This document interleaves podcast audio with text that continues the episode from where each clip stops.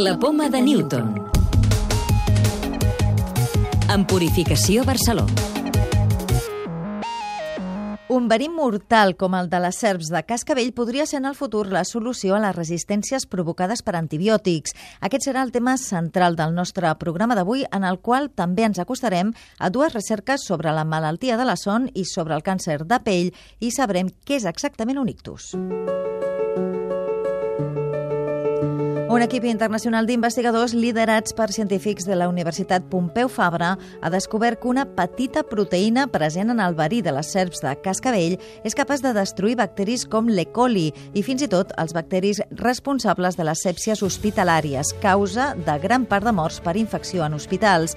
Clara Pérez Pintado és una de les investigadores de l'estudi. En concreto lo hemos estudiado contra la mundialmente conocida E. coli y también contra otra que es Pseudomonas aeruginosa que aparte de causar infecciones respiratorias, urinarias y puede causar también una sepsis general, por lo que eh, los hospitales es bastante dañina, digamos. Lo que hemos visto es que aparte de matar estas bacterias, este péptido tiene una larga estabilidad en el serum, es decir, que una vez fuera inyectado, digamos, no desaparecería, sino que mantendría su actividad biológica. Y además, una de las ventajas que tiene es que funciona de un mecanismo diferente que los antibióticos clásicos y tarda menos en generar las resistencias. La proteïna més no malmet les cèl·lules sanes, és prou estable per ser viable com a fàrmac i provoca menys resistències. Es capaz de discernir entre una bacteria y una célula sana y solo atacar a las bacterias que están causando la infección. Lo que hacen es acumularse en torno a la membrana, digamos, de la bacteria y matarla creando poros. Una estructura mucho más grande, más compleja, entonces a nivel de resistencias son una buena alternativa. Ara, aquests científics volen investigar les facultats del pèptid com a antitumoral, ja que en recerques prèvies s'ha comprovat que pot destruir també cèl·lules canceroses. També us expliquem que un grup liderat per investigadors de la Universitat Politècnica de Catalunya ha descobert dos nous fàrmacs que curarien la malaltia de la son causada per la mosca 7C. Els dos nous components químics han estat efectius al 100% dels ratolins en què s'han provat. Ho explica Lourdes Campos, és directora de la investigació. Es un fármaco que destruye el parásito.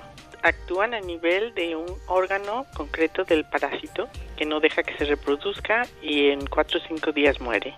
Identificat un biomarcador per al diagnòstic d'un càncer de pell molt agressiu que actualment no té cap tractament curatiu. La troballa l'han fet experts de l'Institut Hospital del Mar d'Investigacions Mèdiques i metges del centre.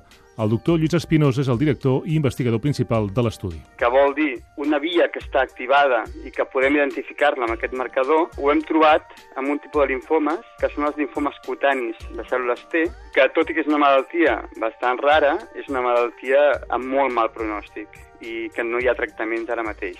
La missió KEOPS de l'Agència Espacial Europea preparada per volar. El satèl·lit s'enlairarà a l'octubre des de la base de Kourou, la Guaiana francesa, i té com a objectiu observar estrelles que puguin estar acompanyades de planetes d'unes dimensions entre les de la Terra i les de Neptú. KEOPS mesurarà les petites variacions de brillantor que puguin indicar el trànsit d'un planeta al voltant d'una estrella. La clau de volta.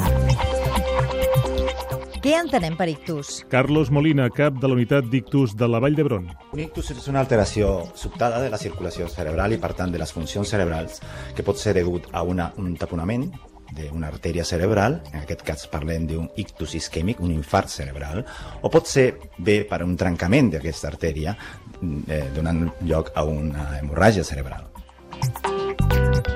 Recordeu que ja podeu descarregar-vos el podcast de la Poma de Newton o subscriure-us al programa per rebre'l directament als vostres dispositius.